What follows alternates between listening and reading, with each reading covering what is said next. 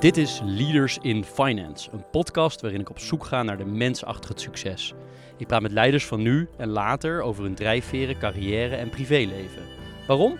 Omdat er meer gesproken moet worden in de financiële sector. Leaders in Finance wordt mede mogelijk gemaakt door Interim Valley, FG Lawyers en Biscuit.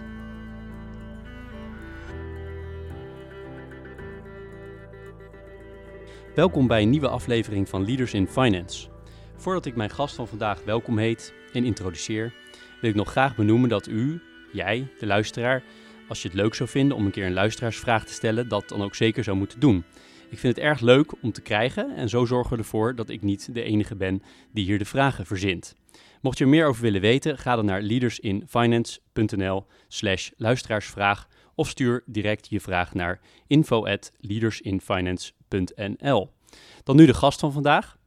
Ik ben te gast in Amsterdam bij de Nederlandse Bank en spreek met Olaf Slijpen, directeur monetaire zaken en daarnaast hoogleraar European Economic Policy aan de Universiteit van Maastricht. We hebben ook afgesproken elkaar uh, met je en jij aan te spreken. Welkom uh, Olaf. Dank. Leuk dat je, dat je meedoet aan Leaders in Finance. Uh, ik heb er een gewoonte van gemaakt om elke naam te spellen. Olaf is O-L-A-F en Slijpen is S-L-E-I-J-P-E-N. Net als recent bij Jos Baten, de CEO van ASR, was het geen sinecure om een korte introductie te schrijven over jou gezien je enorme staat van dienst en alle activiteiten die je ook nog naast je, je uh, fulltime positie hier bij de Nederlandse Bank onderneemt, hierbij toch mijn, eh, mijn poging. na voltooiing van het gymnasium B in Heerlen, met een cum laude becijfering, studeerde Olaf economie aan de Universiteit van Maastricht, waar hij wederom cum laude afstudeerde. Hij begon zijn werkzame leven bij de Nederlandse Bank en tegelijkertijd vervolgde hij zijn academische carrière als promovendus aan de Universiteit van Groningen waar hij in 1999 promoveerde op het onderwerp Does Monetary Union Require a Fiscal Union? Some Evidence from the United States. Bij de Nederlandse Bank werkte hij als econoom en als manager communicatie. Van 2004 tot 2011 vervulde hij verschillende managementfuncties bij pensioenfonds ABP en pensioenuitvoerder APG. Voordat Olaf begin 2020 toetrad tot de directie van de Nederlandse Bank, was hij circa 10 jaar divisiedirecteur toezicht van de Nederlandse Bank op onder andere de gebieden pensioen, verzekeren en monetair beleid. Hij is op het moment verantwoordelijk voor een enorme hoeveelheid aandachtsgebieden. Hou je even vast, ik som ze op. Economisch beleid en onderzoek, financiële stabiliteit, financiële markten, betalingsverkeer en marktinfrastructuur, kwartaalbetalingsverkeer en statistiek. Olaf is daarnaast alternate lid van de Governing Council van de European Central Bank. Naast zijn werk bij DNB is Olaf, zoals gezegd, professor in Maastricht aan de Maastricht School of Business and Economics.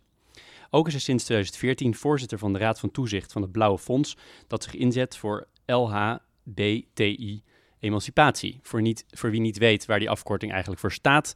Het staat voor lesbische vrouwen, homoseksuele mannen, biseksuele, transgenders en intersexe personen. Ook is Olaf sinds 2018 lid van de Board of Trustees van de Peter Elverding Chair on Sustainable Business Regulation en Corporate Culture van de Universiteit van Maastricht. Verder vind ik het leuk om te vermelden dat Olaf adviseur is geweest van Wim Duisenberg ten tijde van zijn presidentschap van de European Central Bank. Olaf bezoekt de doopsgezinde kerk en is volgens een quote van een bekende van hem in het Financiële Dagblad enorm belezen, weet veel van de Vaderlandse geschiedenis, van godsdienst, van ideeëngeschiedenis en van kunst. Tot slot, Olaf is recent 50 jaar geworden en woont in Amstelveen. Dat is een hele mond vol. Het is uh, prachtig uh, wat je allemaal doet en gedaan hebt. Um, ik vond het uh, erg leuk om me voor te bereiden op dit gesprek. Zoals ik vaak in dit, deze gesprekken zeg, ik, ik heb het gevoel dat ik mensen al echt ken voordat ik hier mm -hmm. zit. ik vond het artikel in het, in het NRC laatst met de titel Corona is een meteoriet, klimaatverandering, een botsing tussen planeten erg tot de verbeelding spreken. Kan je iets meer toelichten wat je daarmee bedoelt? Ja, dat, uh, dat kan ik zeker. We zijn natuurlijk nu um, uh, vol bezig met het bestrijden van de coronacrisis. Economisch, maar dat is natuurlijk met name ook waar wij mee bezig zijn, maar ook natuurlijk medisch. Um, de, de, de kranten die staan er vol mee. Het gaat, het gaat nergens anders meer over. Het, gaat, inmiddels ook zover dat ik S ochtends ook waar ik een trouwe luisteraar ben van de radio, dat ik gewoon op een gegeven moment ook denk, ik stop ermee, want het gaat alleen maar over corona hier, corona daar. Ehm, terwijl tegelijkertijd we natuurlijk ook te maken hebben met, uh, moet ik even een stapje terugzetten, want corona is iets, ja, dat, dat is ons overkomen in zekere zin. Dat, het is ook, deze crisis is ook echt heel anders, voelt ook heel anders dan de financiële crisis. Die de, waarvan de oorzaak echt in het financiële stelsel lag en, en de economie uh, lag. Dat is hier absoluut niet zo. Uh, tegelijkertijd was er ook nog die andere crisis waar we voor corona heel hard met elkaar over spraken. En dat is inderdaad klimaatveranderingen, wat dat doet voor de economie, uh, wat dat doet voor uh, financiële instellingen. En dat schijnt een beetje op de achtergrond geraakt te zijn. En wij zeggen, nou ja, dat moet niet. Sterker nog, je moet deze crisis en ook het herstel of het herstelmaatregelen die we willen inzetten, ook juist gebruiken om weer iets aan die klimaatverandering te doen. En uh, ja, eigenlijk is dat vele malen groter. Veel, veel uh, impactvoller dan corona. en vandaar dus die vergelijking. Ja, corona, dat is ons overkomen. Dat is de meteoriet die is ingeslagen, waarvan we wisten dat het een keer zou kunnen gebeuren. Klimaatverandering zien we aankomen. Ik bedoel, we zitten, we zitten op die ramkoers. en is veel groter qua impact, want dan is het de aarde bots tegen een andere planeet aan. En uh, met hele grote consequenties, sociaal, politiek, uh, maar ook dus economisch. Als je nou kijkt naar de samenleving in Nederland, beseft men dit nu? Als je het een beetje afpelt, als je kijkt naar de, bijvoorbeeld de wetenschap, de politiek, de samenleving breed, de, alle mensen in Nederland of de media, beseft men hoe zorgwekkend dit is?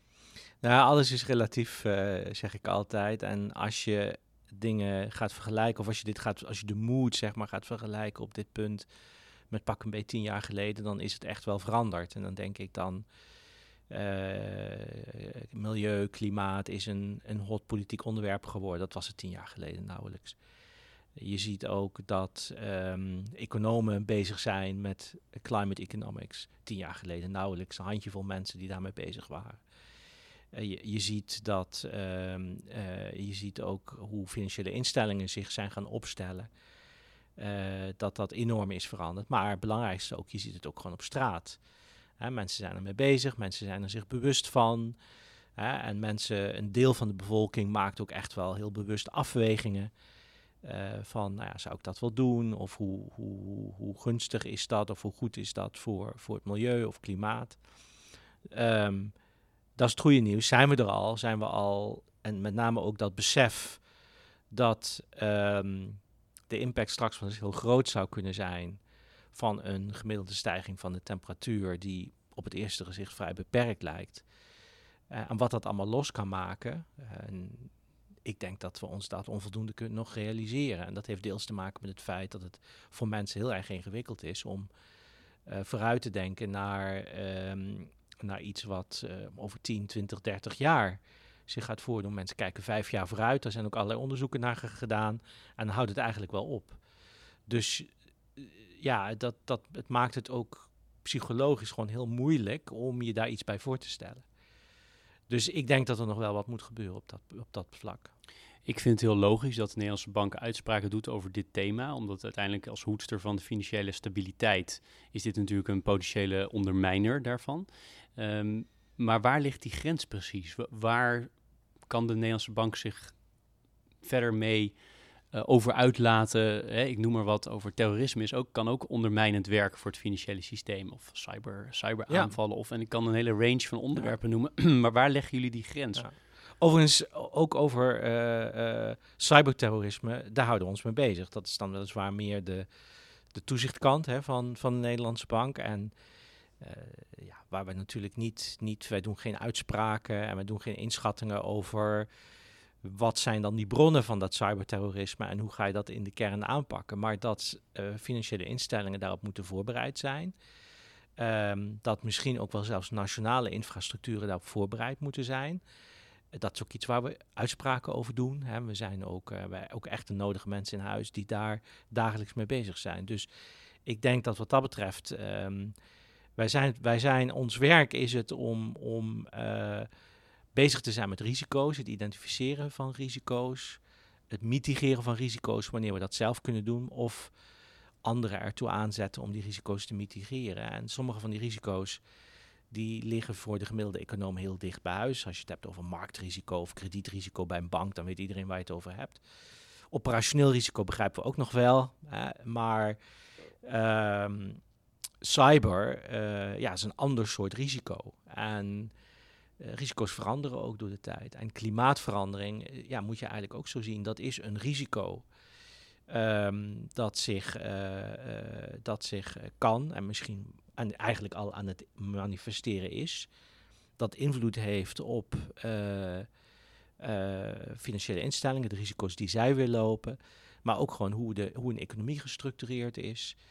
Uh, en dat zijn dingen waar we op wijzen. Hè? Dus we proberen die, die risico's in kaart te brengen. En we komen ook of met beleidsaanbevelingen of in het toezicht met dwingende adviezen of misschien nog wel, nog wel verder. Ja, dat, dat als dat nodig is, instellingen ook hun beleid aanpassen. Dus het komt heel sterk voort uit het perspectief van we hebben hier te maken met een risico dat inderdaad raakt uh, onze belangrijkste uh, taak. Waartoe zijn we op aarde? Het behoeden, bewaken van financiële, financiële stabiliteit. En, en dat is het perspectief dat we nemen. En dan denkt iedereen denkt dan vaak aan hele zuivere economische variabelen. Maar wat ik al zei, het is veel breder dan dat. Ik kan me voorstellen dat jullie onafhankelijkheid extreem belangrijk is. Dus is het soms ook, een, om nog een beetje terug te komen op die vorige vraag, soms een balanceeract tussen hoe politiek wil ik worden, slash hoe erg wil ik wel onafhankelijk uh, blijven? Um, ik, ik, ik denk dat. Um, ik denk dat het wel meevalt. Ik denk dat wij wel een redelijk, bedoel, een redelijk besef hebben en, en de mensen ook die hier werken. Wat, wat is des politieks en wat is onze rol?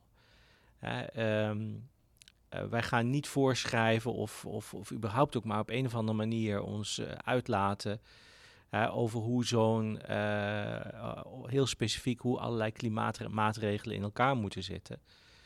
En ook of het gebeurt. Wij kunnen weliswaar zeggen, wij vinden dat er iets moet gebeuren. Maar uiteindelijk is, ja, is het aan de politiek. Is het, uh, we leven in een democratisch land om daar besluiten over te nemen. En, en dat onderscheid is voor ons in ieder geval heel helder.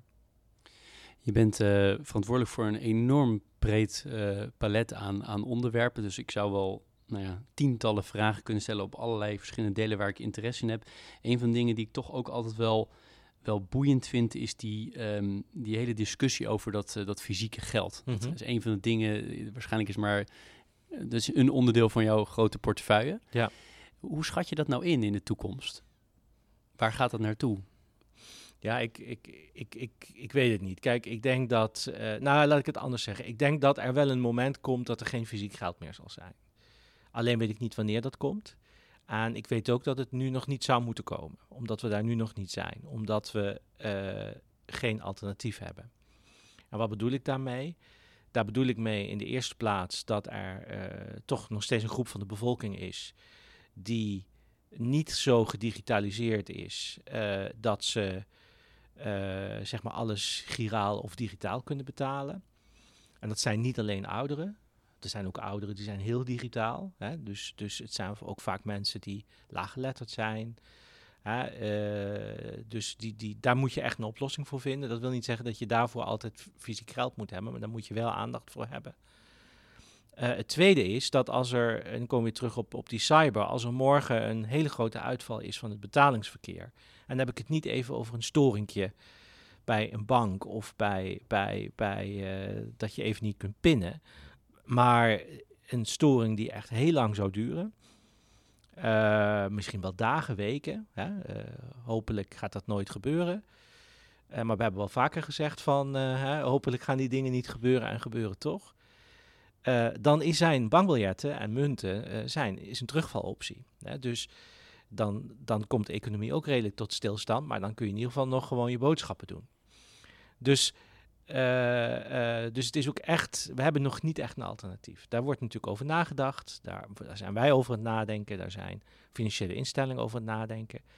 Maar tot dat moment er komt, en dat gaat nog wel even duren, denk ik, uh, moet je wel een infrastructuur hebben, zeg maar, voor bankbiljetten en munten. Maar bankbiljetten is natuurlijk primair. Um, waardoor, waardoor die voldoende is om te zorgen dat, dat ja, mensen nog steeds met bankbiljetten kunnen betalen. Betaal je zelf wel eens met uh, bankbiljetten? Steeds minder, steeds minder. En met je telefoon? Ik gebruik meestal gewoon mijn... Het, ik denk het meeste doe ik het gewoon via de pinpas. Um, en um, uh, ja, ik merk wel, ik merk ook dat ik ja, steeds minder vaak contant geld in mijn portemonnee heb. Ja. We hebben één hele grote trend uh, kort besproken, klimaatverandering. Wat zijn wat jou betreft de andere echt hele grote trends op, jou, op jouw netvlies? Nou ja, klimaatverandering, de, nou ja, in het verlengde hiervan, digitaal, het verlengde van ook de, de bankbiljetten en cyberdigitalisering. En die twee hangen ook met elkaar samen. En je kunt corona er ook nog bij halen. We gaan echt wel, denk ik, anders werken met elkaar. Of een deel van, van het hybride of het deel van het thuiswerken, dat zal Hè, we noemen dat ook wel het hybride werken. Hè, dat, dat, gaat echt wel, uh, dat gaat echt wel gebeuren. Want dat heeft ook voordelen voor klimaat. Maar betekent ook dat alle innovaties op het gebied van digitalisering... Um, dat die zullen versnellen. Daar ben ik echt van overtuigd. En dat is de andere hele grote trend, uh, denk ik, die we, die, we, die we natuurlijk al langer zagen en die we, die we, die we nog steeds uh, zullen, zullen, zullen blijven zien. Ik vind het heel knap hoe jij die uh, besprekingen van de scenario's doet. Ik heb er een aantal bekeken op mm -hmm. uh, nou ja, hoe je dat in de media uitlegt. Tegelijkertijd had ik even zo'n gevoel van: dit zijn voorspellingen voor uh, 2021, 2022. Ja. Um, wat is uiteindelijk het doel van deze scenario's? Omdat we zelf nu ook gezien hebben hoe anders het kan lopen. Uh, ik neem aan dat jullie ook wel eens terugkijken naar scenario's die jullie gemaakt hebben. En dan zien dat het uh, heel erg perfect uitkwam of helemaal niet. Ja.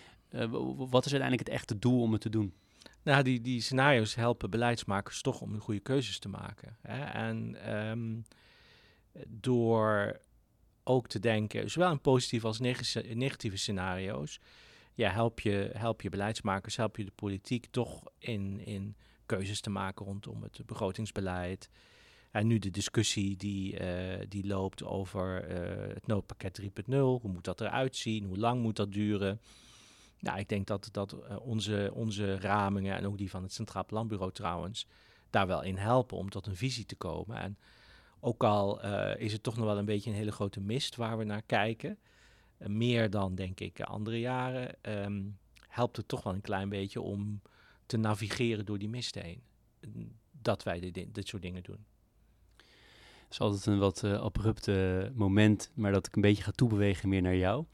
Um, je bent opgegroeid in, het, in Heerlen, in het zuiden van het land, of daar in de buurt in ieder in geval. In de buurt, ja. In de buurt, ja. en je ging daar naar school. Kan je iets vertellen over hoe jouw jeugd eruit zag? Ja, ik, heb, ik, ben, ik ben geboren en getogen in een klein dorpje dat heet Schin op Gul. Uh, de oudere luisteraars die, die de, moeten dan denk ik onmiddellijk aan uh, Wim Sonneveld denken en Pater Financius. Die overigens, uh, die overigens uh, nooit in Schin op Gul is geweest, althans een fictief persoon was. Er staat wel een beeldje van, uh, van Pater Financius op het dorpsplein in Schin op Gul. Um, weten ze veel in Schin op Gul, zei, zei Pater Financius. um, nou, ze weten best veel in Schin op Gul, maar in ieder geval daar ben ik geboren. en ja, heel, het is een combinatie van heel beschermd opgevoed maar ook heel vrij en heel liberaal. Beschermd in de zin van, ja, je zit in het toch beschermde omgeving, plattelandsomgeving van Zuid-Limburg. Uh, in ook wel heel sterk die cultuur. Um, maar met ouders die zeer, uh, hoewel mijn ouders ook wel duidelijk roots hebben in beide, in, in dat deel van het land. Maar ook zeer, zeer vrijzinnig en ook zeer sociaal begaan. En ik denk dat wij ook wel, uh, mijn ouders zijn alle twee CDA'ers. Ik zou ze wel aan de linkerkant willen, willen zetten van, uh, uh, van het CDA. Dus ook wel heel sterk ja, begaan met de medemens. En mijn zus en ik, ik heb één zus, ook wel heel duidelijk opgevoed vanuit dat perspectief. Hè? En uh, dus, dus beschermd, maar toch ook wel heel open. En ik heb nooit, ik heb geen ouders gehad die, waarvan ik allemaal dingen moest. En uh, nu ging dat bij mij heel eerlijk gezegd ook wel redelijk vanzelf. Maar sport was nooit mijn ding bijvoorbeeld. Maar ik hoefde niet zo nodig op voetballen. En ik had het ook ongelooflijk vreselijk gevonden. Ik vind het nog steeds vreselijk. Maar uh, dus, dus dat soort dingen, dat, dat, dat, we werden eigenlijk best wel vrijgelaten binnen bepaalde, binnen bepaalde grenzen natuurlijk. En wat voor soort werk deden ze? Werkte ze ook in de hoek waar jij nu zit? Nee, nee mijn, vader, mijn vader werkte bij het Centraal Bureau voor de Statistiek in Heerlen. Uh, het, het, CBS uh, heeft twee vestigingen in Nederland, één in Voorburg en één in Heerlen. Daar was mijn vader hoofdpersoneelszaken, op het laatst voordat hij met pensioen ging. Mijn moeder was huisvrouw en daarnaast heel actief in de gemeentepolitiek. Uh, in de, eerst was dat de gemeente Wielree en later de gemeente Valkenburg aan de Gul. Je noemde al zo zijdelings wat normen en waarden. Zijn er nog andere normen en waarden die jou echt gevormd hebben voor, de, voor, voor, voor hoe je nu, wie je nu bent? Nou, ik denk ook, we hebben. Uh, dat heeft diversiteit. In die zin. Um, niet zozeer dat mijn ouders uh, uh, het vanuit, dat, vanuit die invalshoek ehm, aanvlogen. Maar hè, discussies over uh, andere culturen, dat mensen an, er, andere religies, net even een andere huiskleur kunnen hebben. Ja, ik denk dat ons wel met de paplepel is ingegeven dat je, ja, dat je gewoon verschillende mensen hebt. Hè, en dat die mensen ook allemaal gelijk zijn. En uh, dat je mensen ook niet moet beoordelen op uh, hoe ze eruit zien, maar op wat ze doen en niet beoordelen op hun functie of hoe belangrijk ze zijn, maar over wat ze ook ja, daadwerkelijk laten zien. En dat, dat is wel iets waar ik wel heel veel voordeel mee heb gehad. Dus sommige discussies en sommige dingen, um, uh, ook maats of maatschappelijke ontwikkeling of politieke dingen die ik zie, ja, die zijn voor mij onbegrijpelijk. Omdat ik dat gewoon, dat zit helemaal niet in mijn, mijn, mijn opvoeding. Uh, dus dat, dat, dat, zijn, dat kan ik wel heel duidelijk daar naartoe terugvoeren, zeg maar.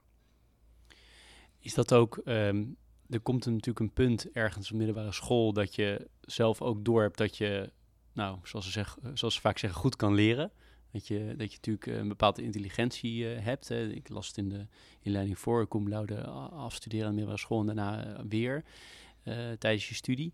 Um, heeft dat iets met je gedaan, dat je door had dat je toch wel heel goed kon leren? Hmm.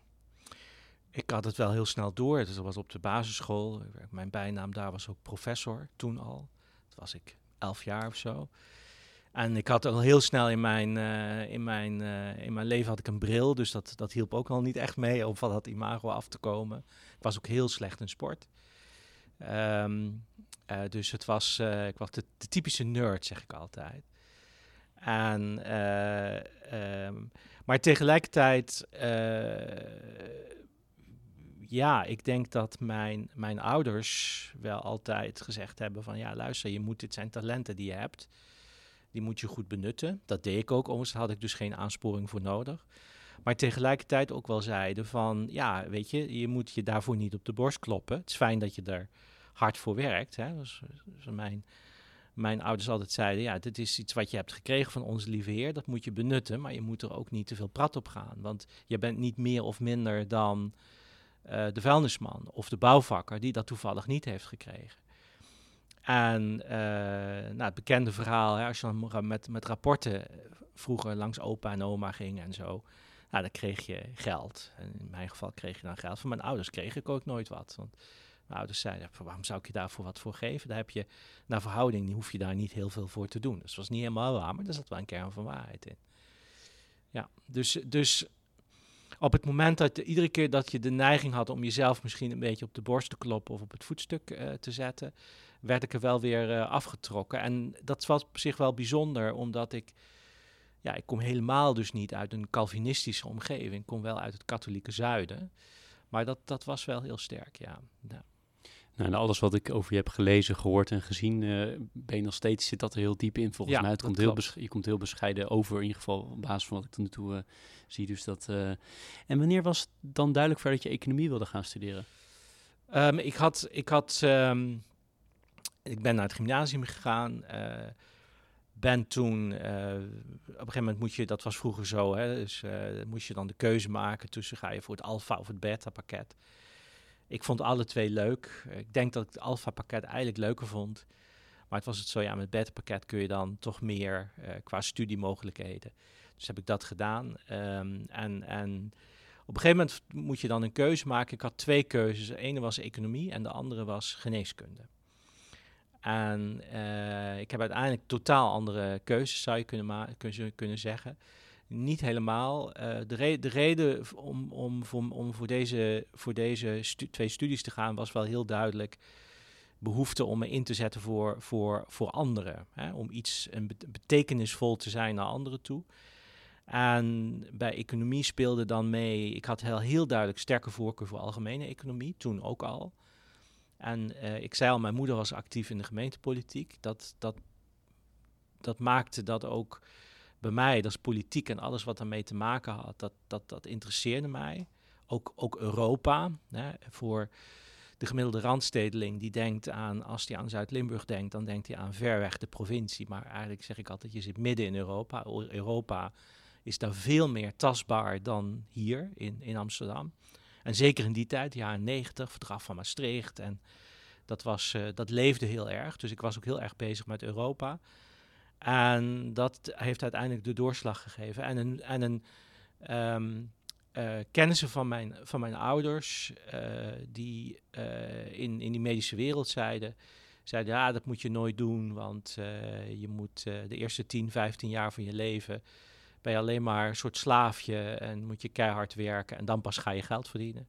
Dus werd het een beetje neergezet. Ook de hiërarchie in de medische wereld, die men nogal archaïs vond, althans werd het bij mij eh, neerge neergezet. Wat je soms ook nog wel eens bij de advocatuur hoort. Uh, ik, weet niet, ik weet niet eens of het allemaal nog klopt, maar dat waren van die beelden. Uh, dat ik dacht van nou, dan gaan we dan maar economie doen. Dus dat is het verhaal daarachter. En je vond het direct heel leuk? Um, ja, maar nogmaals, met name ook, want ik, ja, zeker in de beginperiode moet je ook bedrijfseconomische vakken doen, propedeuse en zo. Ja, dat vond ik allemaal open deuren. Daar vond ik niks aan. Dus marketing en dat soort dingen. En uh, dus dat, die, dat idee van um, ja, het, vooral algemeen economisch, beleidseconomie, zou ik het eigenlijk ook willen noemen, want het is meer dan alleen algemene economie. Ja, dat, dat, dat, dat vond ik wel het allerleukste om te doen. Ja. En de stap naar de Nederlandse bank, had je altijd het idee tijdens je studie al van dat lijkt me interessant om aan die toezichtskant nee. werken? Hoe ben je nee, daar nee, nee, ik ben dat is op een gegeven moment ik ben afgestudeerd, of ik stond op het punt om af te studeren. En toen ga, dan ga je solliciteren en een, een van de sollicitaties was bij de Nederlandse bank, afdeling internationale zaken. Ik wilde dus wel iets met Europa of internationaal. Um, en ik werd aangenomen bij de Nederlandse bank, maar het was niet zo dat ik een overmatige interesse of belangstelling had in, in het monetaire, zeg maar. Wat waren de andere opties? Mm, daar, ik had ook nog iets lopen bij het ministerie van Economische Zaken, ja. Interessant. En toen ben je ook meteen met je promotietrek begonnen? Of vrij snel daarna, vrij snel daarna. Ik heb een jaartje nou, even wennen aan, aan de bank. Ook even wennen, want ik ben toen ook verhuisd naar de Randstad. Ik woonde, ik woonde gewoon bij mijn ouders. Die typische nerd weer. En... Uh, uh, dus het was best een zwaar jaar. Het was 1993. En heel veel veranderingen in mijn, uh, in mijn leven. Uh, maar op een gegeven moment dacht ik van, nou weet je, ja, met zulke studieresultaten en nou doctorandus betekent eigenlijk hij degene die dokter moet worden. Dus ik, daar zat wel een hele grote intrinsieke motivatie. En inmiddels was ook wel duidelijk dat ook als je internationaal op als beleidseconoom iets wil, ja, dan, dan moet je eigenlijk gepromoveerd zijn. Hè. Dus en ook, zeg maar, uh, Nout Welling, toen, toen, toen de tijd directeur, later president van de Bank. En wel een van mijn mentoren, mag ik wel zo zeggen. Die, die heeft het ook heel erg gestimuleerd, die promotie. Uh, dus toen ben ik begonnen met dat promotieonderzoek met horten en stoten. Dus ergens denk ik 394. 94. En denk ik nog relatief snel, vijf jaar later dus gepromoveerd. Naast mijn werk gedaan. Ja, dat moet best zwaar geweest zijn om dat te combineren. Ja, was, deels kon ik het combineren met mijn werk. Uh, ik stak er veel vrije tijd in. Ik heb ook wel wat tijd van de bank gekregen, maar dat was niet overmatig veel. Uh, ja, het vereist, uh, vereist veel zelfdiscipline. Je noemde uh, Nout Wellink. ik heb gelezen, ik weet niet of het klopt, moet je maar zeggen of dat zo is, maar dat hij ook degene is geweest die jou richting Duisenberg heeft. Ja, dat klopt. Ja. Kan je iets vertellen over jouw tijd om voor Wim Duisenberg te werken? Ja, dat was. dat ervaren ik denk dat uh, tot, tot, tot voor kort was het de mooiste baan die ik ooit heb gehad. Hè. Het Ah. was drie. Eh, ik denk dat dit nu de mooiste baan is, eh, heel eerlijk gezegd. eh directielid van een Nederlandse bank. Maar tot voor kort was dat het zeker. Ik, ik zat daar, eh, ben daar naartoe gegaan in ehm, eh, 2001, begin 2001. Dus even kijken, hoe oud was je dan ongeveer? 31. Ja, dus 30 dus heel jong. Super jong, ja. Ja. En eh, tot eh, begin 2004, toen Trichet eh, aantrad. En dat was ook in een tijd dat de ECB nog en de euro nog in de opbouwfase zat. Dus er was heel veel, het was heel hard werken. Maar het was een heel hoog positief energieniveau. Je had echt met elkaar het gevoel dat je iets aan het bouwen was. En ehm, ja, om, om met een man als Duisenberg te werken, ja, dat was natuurlijk zeer inspirerend. Ik heb heel veel van hem geleerd. En eh, ehm, ja, het was een hele, hele boeiende tijd. En, en ehm, ik denk dat ik, eh, ik denk dat ik met Nout in zekere zin closer was, maar daar heb ik ook langer mee gewerkt. Ehm, maar ja, ik heb desalniettemin heel veel van hem geleerd, ja, en heel veel gezien, ja. Kan je wat voorbeelden geven wat je geleerd hebt? Nou, dat sommige, sommige, ik had heel sterk de neiging, en ik denk dat dat ook de leeftijd was. Hè, eh, en dat is ook wel mijn, een beetje mijn karakter. eh, eh, ieder probleem wat je ziet, moet je oplossen. Dus, dus, dus een enorme drang om ja, overal achteraan te rennen. En hij zei ook wel eens een keer, ik word daar, ik word daar moe van, zoals jij dat doet. En zei, ja, Olaf, eh, ja, sommige problemen in het leven lossen zichzelf op. Niets doen is ook soms een, eh, een optie. En dat is een van de dingen die ik van hem geleerd heb. En ik denk ook wel het relativeringsvermogen, want dat had ik toen helemaal niet. Veel minder dan nu. Misschien is dat ook omdat ik 20 jaar ouder ben. Maar dat had hij ook. En, en een feilloze neus voor waar moet je 100% voor gaan. In de zin qua onderwerpen, waar moet je helemaal in verdiepen. En wat, wat kan je laten lopen. Hij was heel goed in focussen. En dan vooral ook op de dingen die er echt toe doen. En hij was niet een man van heel veel dingen tegelijk doen. Het multitasken, wat we natuurlijk tegenwoordig vaak doen. En waar ik ook steeds meer achter kom dat het gewoon niet werkt. Had je het gevoel dat hij dat deed eh, vanuit zijn, zoals ze nu zeggen in het Engels, gut feeling? Of was dat zijn ervaring? Of Hij had een. was het heel beredeneerd? Nee, hij had een heel. Het was gut feeling, het, ervaring, een combinatie. Hij had een hele goede neus eh, daarvoor. Eh, en ehm, ja, ook heel duidelijk van, hoewel die ook echt, echt wel hard werkte, maar ook zoiets van, ehm, ehm, ja, ik doe ook nog wel graag andere dingen in het leven dan alleen maar eh 24/7 werken. Want als je zo jong bent en op zo'n eh, positie komt, waarbij je heel dicht bij het vuur zit, Mhm. eh, en dan ook nog niet eens op Nederlands niveau, maar op Europees niveau, heeft jou ook wel eens het gevoel bekropen van, kan ik hier iets toevoegen? Ja, dat, dat heeft me wel bekropen. Maar het was ook een beetje, dat was ook een beetje Alice in Wonderland. En ehm, eh, dus ik denk dat ik dat toen minder had. Misschien ook dat ik in die periode ook dacht dat ik meer, meer aankon dan ik feitelijk aankon. Hè, Dat is natuurlijk ook zo'n fenomeen wat ze zeggen. Ja, naarmate je ouder wordt, word je wijzer, maar je wordt ook steeds meer onzeker. tot op zekere hoogte. En je gaat je eigen kunnen steeds meer relativeren.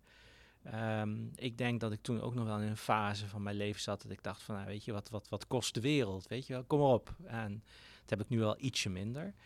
Ehm, maar het was, eh, het was vooral ook Alice in Wonderland en ver- verwondering, verbazing en genieten van, van wat, zich, eh, wat zich om mij heen afspeelde. Ehm, en, en niet, ik had toen zeker niet een soort geldingsdrang van, nou, dit moet en dat moet en zus moet en zo moet. En heel sterk gericht op het ondersteunen en eh, ontlasten van, van Wim Duisenberg. Ik kan mezelf nog herinneren toen ik bij ABN AMRO werkte, dat er wel eens eh, in de eerste jaren van mijn carrière mensen waren die zeiden, nou, jij gaat echt eh, eh, ver komen, wat ze er ook dan mee bedoelden. En dat dat toch een soort van ego-boost was als mensen dat zeiden. Hebben bijvoorbeeld Wellink en, en Duisenberg ook wel eens gezegd van, "O- ooit zit je op mijn stoel? Nee, of dat, heb- gekscherend of serieus? dat hebben ze pas gezegd. Nou ja, Wim leeft niet meer, maar wel contact gehad via de, via de e-mail na mijn benoeming. ehm, met Nout. En dan was, eh, was in de mail schreef hij van ja, het moest er een keer van komen. Maar dat was zeker niet zo in die tijd. En dat was dan toch wel. Hè, en nou, het was best wel, met name over dat promoveren. Nou, daar was hij best wel. zegt hij van nou, dat moet je toch echt wel doen. Dat is echt belangrijk voor je carrière. En ehm, ik denk. Ehm, ja, dat was toch wel wat, misschien wat Calvinistischer dan dat misschien bij een commerciële instelling zou gebeuren, ja. En dat is denk ik ook maar goed hoor. Dat is denk ik ook maar goed. En het past in ieder geval ook meer, denk ik, bij mijn persoon. En eh, wederom hoe ik ben opgevoed. En je bent ook doorgegaan in die, in die wetenschap. Je bent uh, al vrij jong hoogleraar geworden.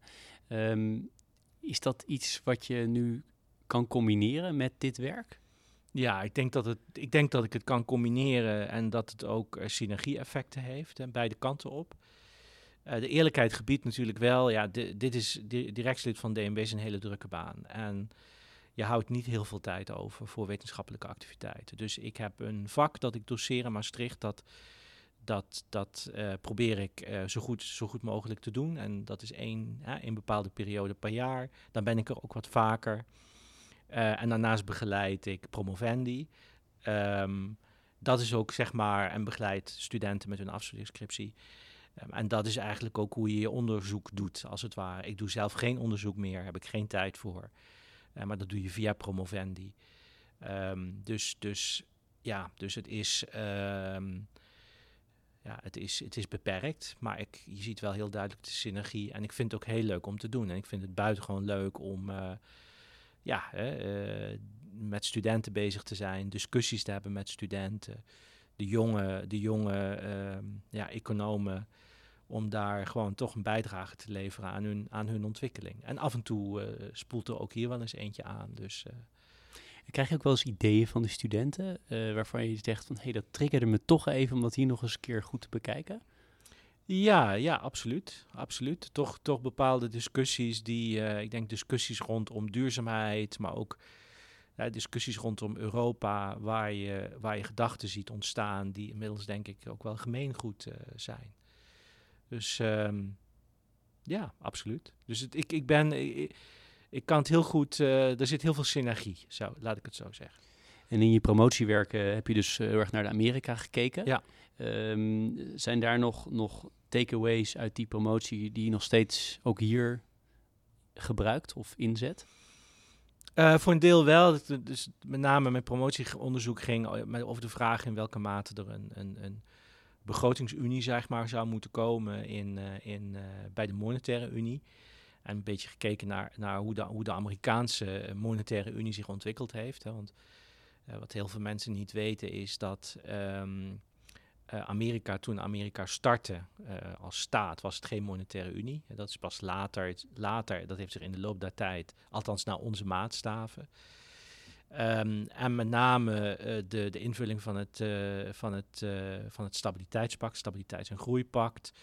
hoe kun je nou op een zo goed mogelijke manier begrotingsbeleid voeren? Moet dat nationaal, moet dat federaal? Um, ja, ik denk dat ik daar wel goed in zit in die discussies. Nog steeds vanuit dat onderzoek.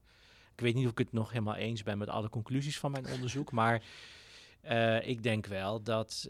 Uh, dus ook discussies over uh, stabiliteits- en groeipak, begrotingsbeleid. Nu de hele discussie over het Europese pakket voor corona. Daar, daar, merk ik wel dat ik daar makkelijk over meepraat. Vanwege wat ik twintig jaar geleden heb gedaan, zeg maar, 25 jaar geleden. Je bent natuurlijk naast dat je heel erg met de inhoud bezig bent, ben je bezig met representatie van de bank, zoals je nu ook aan het doen bent. Voor jezelf, maar ook voor namens de Nederlandse bank. Um, ben je natuurlijk ook gewoon manager. Je bent ook gewoon ja. heel veel mensen aan het aansturen. Uh, of, of, welk woord je er ook voor wil begrijpen. Je bent in ieder geval leidinggevend van heel veel mensen. Uh, hoe motiveer jij mensen? De mensen hier, maar ook je studenten. Wat is jouw methode om mensen enthousiast te maken en, en, en actief aan het werk te gaan? Nou, ik denk, ik denk dat wat ik probeer. Ik denk dat in de eerste plaats zou je mensen zelf moeten vragen of het klopt wat ik nu ga zeggen. Maar wat ik probeer is, uh, is mensen ruimte te geven, verantwoordelijkheid bij mensen neer te leggen. En vooral ook uh, mensen in te zetten op de dingen waar ze goed in zijn. tegelijkertijd ook wel heel duidelijk structuur aan te brengen, visie, grote lijnen. Dus dat is een beetje, dat is een beetje mijn, mijn, mijn stijl. Ik, als ik het vergelijk met een, als je het vergelijkt met film of theater of toneel, Ik, ik denk, ik ben, niet de, ik, ik, ik ben meer de regisseur, ik ben niet de, de hoofdrolspeler. En eh, als het moet, dan doe ik dat. Ehm, maar ik zie me meer als de regisseur. Laat anderen graag op het toneel uh, staan. Uh, maar heb wel heel duidelijke ideeën van welke kant moeten we opgaan. En, en ja, probeer daar ook het overzicht in te houden. Maar ik probeer mensen te, ja, met, een, met een modern woord te empoweren. Um, en, en dan, dat heb ik, is ook echt een van de dingen die heb ik van, van Duisenberg geleerd.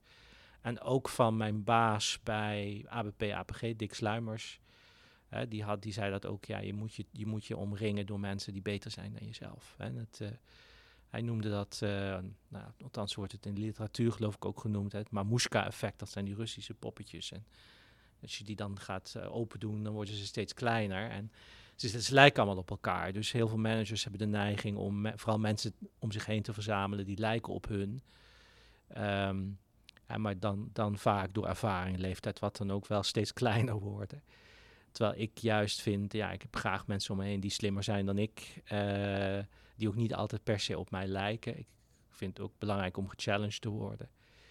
En da dat, dat Wim was typisch, Wim Duisberg was typisch zo'n persoon. Hè, die mensen, mensen als Nout Welling, Tom de Zwaan um, om zich heen had verzameld. Ja, en, en voor, voor Wim ging je ook heel snel, heel hard rennen, omdat hij dat gevoel gaf, jij bent verantwoordelijk. En dan, dat heb ik zelf ervaren, dan krijg je veel meer energie en dan ga je veel harder lopen dan als iemand met een rood potlood, potloodje letterlijk door je stukken heen gaat. Want dat heb ik ook meegemaakt. Heb jij uh, formeel of informeel een soort van coach? Ik heb verschillende malen uh, met coaches gewerkt. Uh, nu, nu even niet, maar het gaat vast wel weer een keer komen. Um, ja, en daar heb ik heel veel, veel aan gehad. En op een gegeven moment kom je op een moment in je carrière dat uh, ja, coaches beter werkt dan trainingen. Dat klopt. Ja.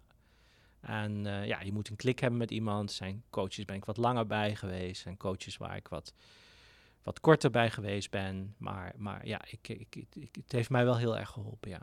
Coach je zelf ook mensen? Op het moment niet, maar heb ik wel gedaan. Maar ja, in zekere zin zou je kunnen zeggen, doe je het iedere dag. Hè, uh, met mensen die je, die je al dan niet direct of indirect aanstuurt. Dus ja, dus ik, uh, ja, ik heb nu niet echt een coachie, maar, maar ja, ik denk dat ik het iedere dag wel doe, ja. We hadden het in de inleiding al even over jou, jouw nevenfunctie uh, bij het Blauwe Fonds. Mm -hmm.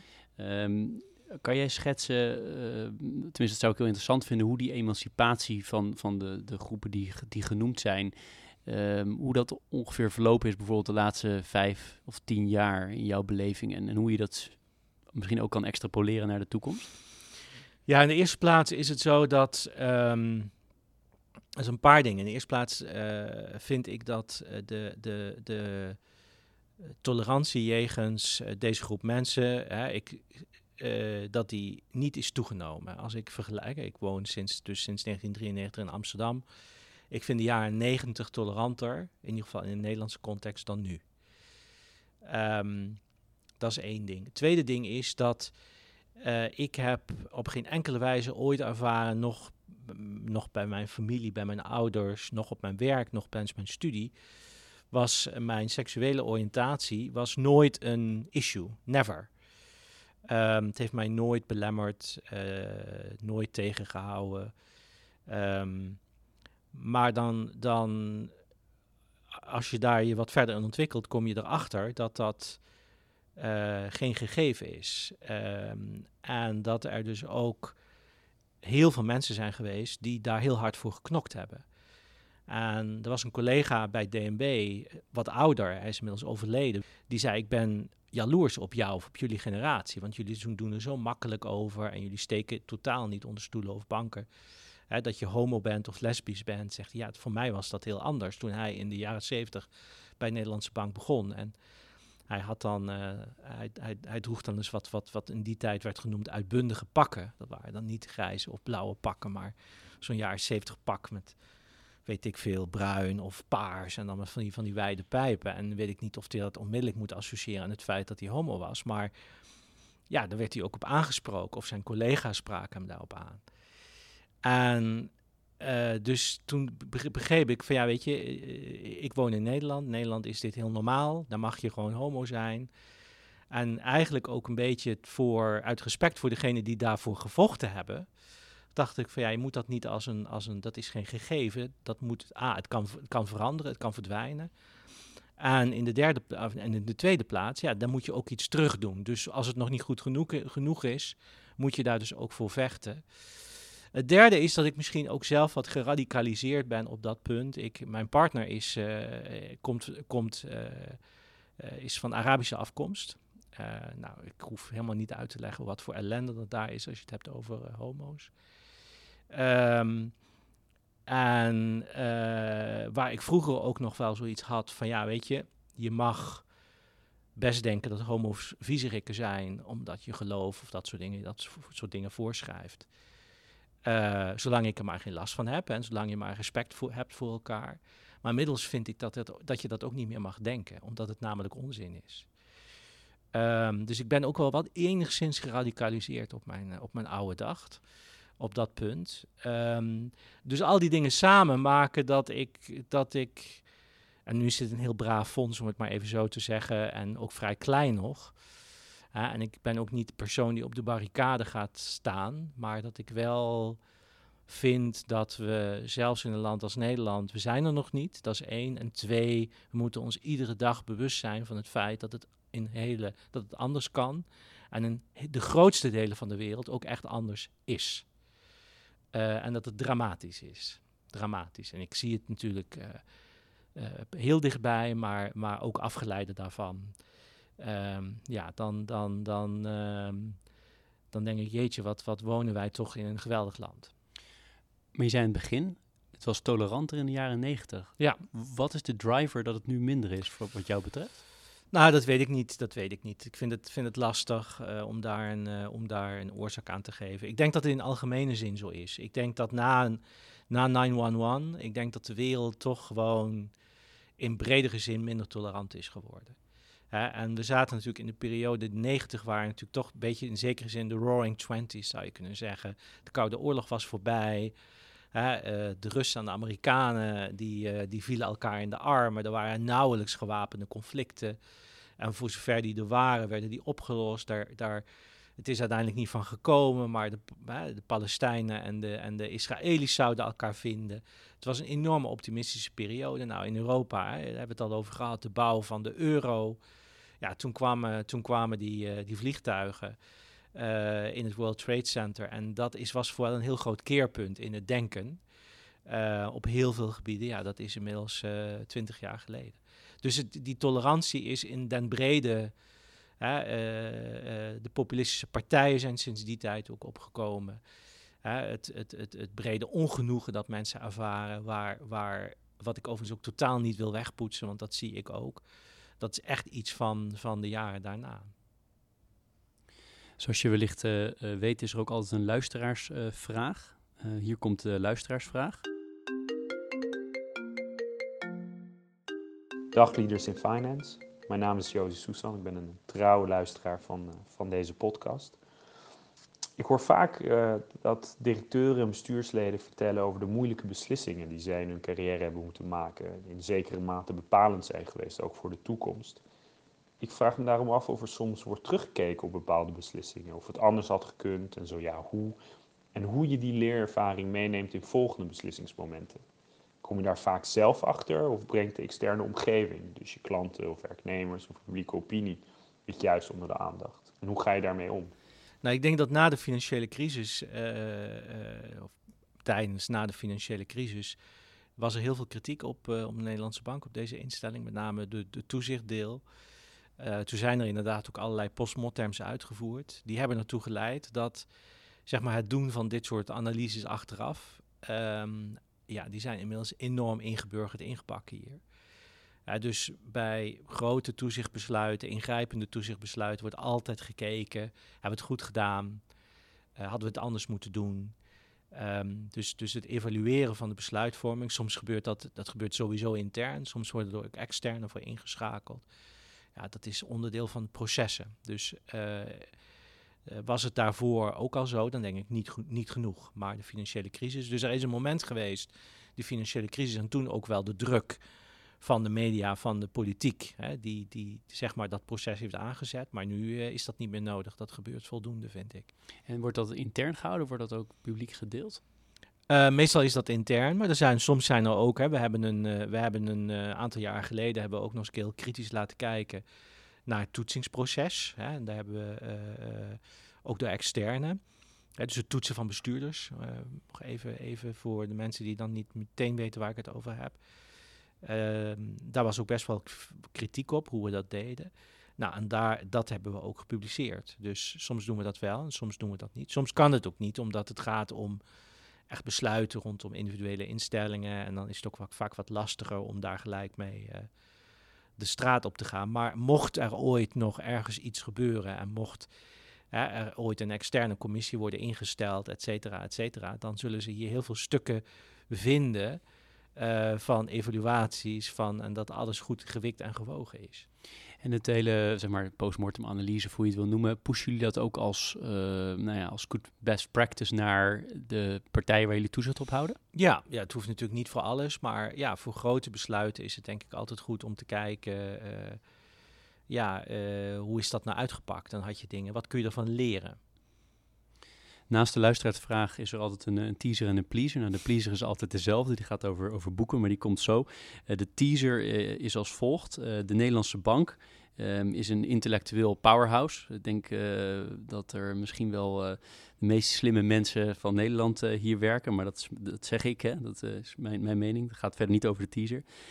maar zou daarnaast misschien wel meer uh, ja, het woord wat ik hiervoor gekozen heb is misschien ongelukkig, maar straatvechters moeten hebben. Mensen die echt uh, uit de sector komen en echt in de, in de krochten van de, de partijen waar jullie toezicht op houden, uh, ook gewerkt hebben. Wat, wat vind je daarvan? ik, vind, ik, vind dat dat, ik vind dat dat zo moet zijn, maar ik denk ook dat we dat in toenemende mate aan het doen zijn. Hè? Dus als ik gewoon kijk naar. gelukkig lukt het ons, ondanks het feit dat de arbeidsvoorwaarden hier waar ik zeker niet over zal klagen, maar toch minder zijn dan in de financiële sector, lukt het ons om mensen uit die sector aan ons te binden. En dat heeft met name ook te maken met het feit dat men, uh, ja, het feit dat de, de taken die wij hebben, hè, bij wet gegeven, dat, dat mensen trekt dat enorm aan. Hebben we uh, nu, uh, dat is in mijn gebied, een nieuwe divisiedirecteur betalingsverkeer, komt uit de sector. Inge van Dijk heeft, in heeft bij het bankwezen gezeten, heeft bij hij is als, als consultant actief geweest. Een van, van de collega's actief in het uh, bankentoezicht. Uh, Pieter Reinier Maat bij ABN AMRO gezeten. Dus ja, het, is echt niet zo dat het alleen maar mensen zijn die hier van de wieg tot het graf uh, zitten.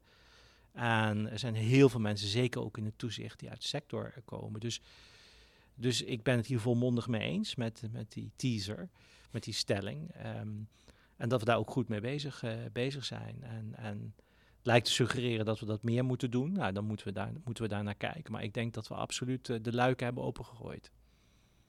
Is ook niet, uh, niet, mijn, niet per se mijn mening, deze teasers. Maar ik vind het altijd wel interessant. Want je, ja, je ziet nu uh, zonder op de casus in te gaan van Wirecard. Maar dat soort dingen, dat hoop je toch dat dat ook voorkomen kan worden door mensen die ook, ook hun antennes Zeker, hebben. Niet ja. alleen maar aan, aan met, uh, met, met in de boeken zitten. Ja, je moet boeven, boeven vangen met boeven, hè, wordt wel eens een keer gezegd. of ik weet niet of we dat nou moeten gaan doen, maar daar moeten we nog maar, eens, nog maar eens over hebben. Maar, um, en aan de pleasende kant um, heb jij bepaalde boeken die jou heel erg aangesproken hebben of die jij vaak geeft aan mensen? Of uh, je leest ongetwijfeld heel veel, uh, maar, of misschien nu wat minder, gezien alles wat je doet, hebt veel gelezen. Maar zijn er dingen die er echt uitspringen voor jou? Nou, ik, ik, ik ben wel weer aan het lezen geslagen. Ik, ik heb inderdaad, want je, je moet zoveel lezen voor je werk, dat je op een gegeven moment denkt van nou, nu even geen boek.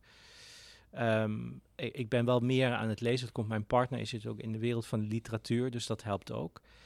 Um, en die leest vaak uh, vier, vijf boeken tegelijk. Althans niet tegelijk, maar goed, die liggen dan zo naast elkaar. En dan wordt er in het ene boek gelezen en dan in het andere boek.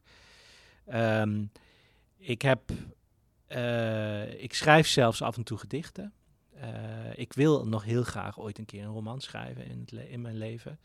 Ik ben ook wel een paar keer begonnen, maar vond het allemaal niks. Ik vind schrijven heel leuk om te doen. Ik vind lezen, literatuur ook heel, heel fijn. Ik gaf ook al aan van ja, die Ik heb wel voor zwaar voor die beta-vakken gekozen, maar de echte liefde ligt wel meer daar, denk ik. Maar je ziet, hè, je kunt ook alle twee, uh, alle twee doen. Ik heb niet één boek dat er voor mij echt uitspringt. Um, waarvan ik zeg, nou, dat is voor mij de Holy Grail. Ik, ik, ik denk dat dat. dat um, um, ja, dus, dus, dus ik ben wat dat betreft ook zeer breed. En, en als ik mensen een boek geef, dan kijk ik vooral eerst naar de persoon. Uh, in plaats van dat ik per se altijd denk van nou, dit vond ik een goed boek.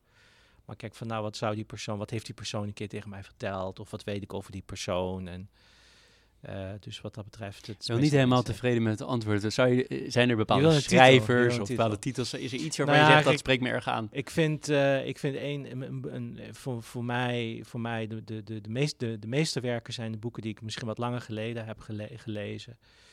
De ontdekking van de hemel van Moelisch sprak, spreekt me heel erg aan. Wat ik bij Moelisch heel erg mooi vind, is dat hij... Hij, hij spuit heel veel kennis en, en in zijn boeken...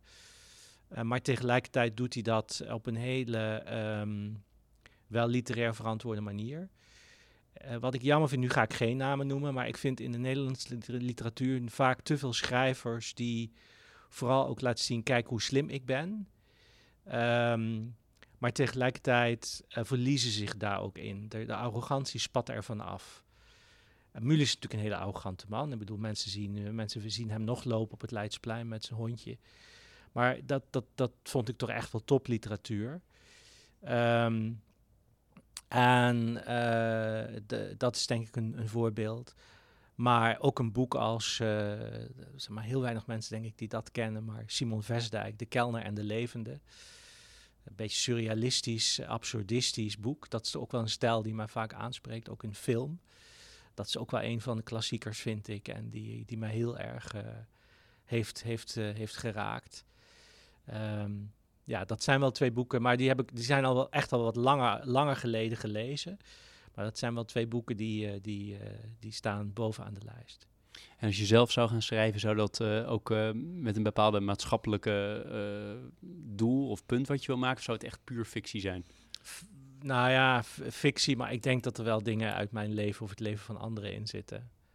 Dat is denk ik bij de meeste romanschrijvers wel zo. Klinkt alsof je al soms even een paar kleine aantekeningen ja, maakt. Er zijn beginnen, er zijn beginnen, die zijn er al. Hè, maar ik heb ze heel vaak weggegooid of ze liggen ergens in een doos verstoft. Maar ja, er zijn, uh, er zijn ideeën. Ja. Een vraag die ik vaak zo tegen, tegen het einde stel is, is voor de, de groep jongere luisteraars die aan het begin van zijn carrière staan, staat.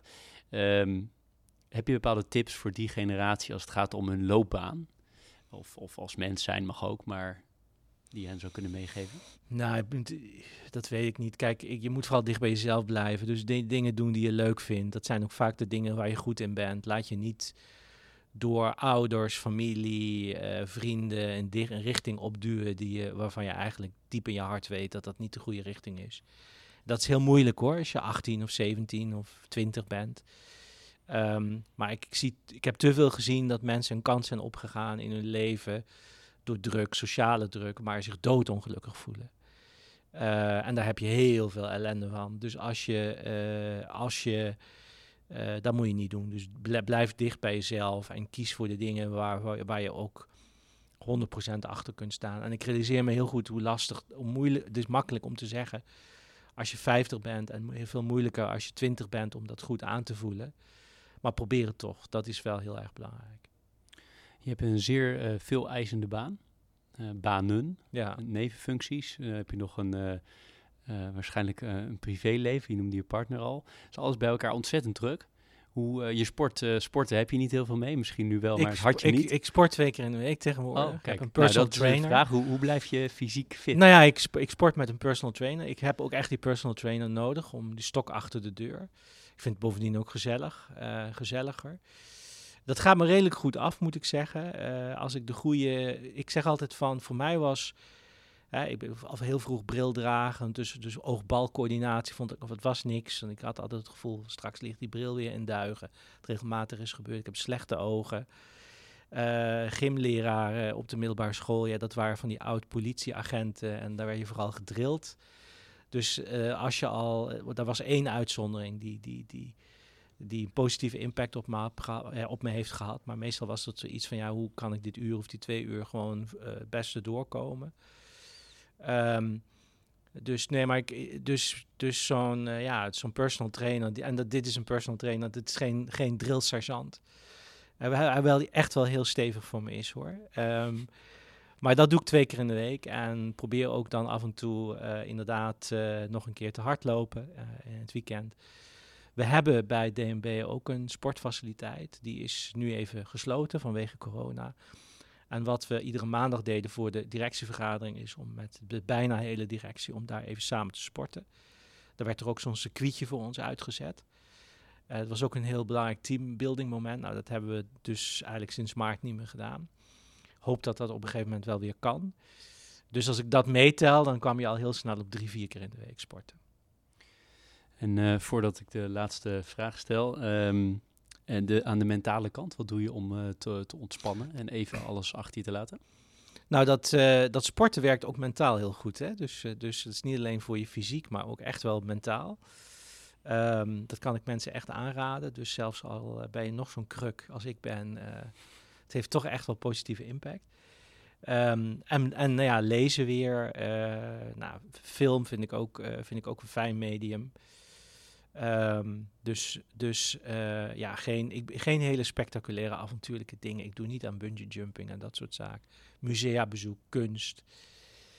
dat zijn wel de dingen die ik, ja, een beetje saai misschien, maar waar ik, waar ik, waarvan ik ja, die ik met heel veel plezier doe en die me ook gewoon mentaal voldoende rust geven. En ik kan veel vroeger dan, veel beter dan vroeger dingen relativeren. Dus kan ook als ik thuis ben vrij makkelijk die knop omzetten. Dat had je al een beetje van Duisenberg meegekregen, maar nu ja. uh, zelf ook nog beter. Heel veel dank voor je vele tijd die je hebt genomen, de openheid. En uh, ik vond het een erg leuk, uh, leuk gesprek, leuk om, om, om, van jou te horen. Ook iets meer over Olaf Slijpen zelf te, te leren. Dus heel veel dank voor je, voor je daarvoor. En met dank aan Bloemon krijg je zo nog een, kleine, een klein cadeautje als, als bedankje voor je, voor je deelname aan Leaders in Finance. Graag gedaan. Dit was Leaders in Finance. Elke week weer een nieuwe aflevering. Elke week weer een mens achter het succes. Ik vind het belangrijk om te zeggen, deze podcast zou er niet zijn zonder onze partners Interim Valley, FG Lawyers en Biscuit.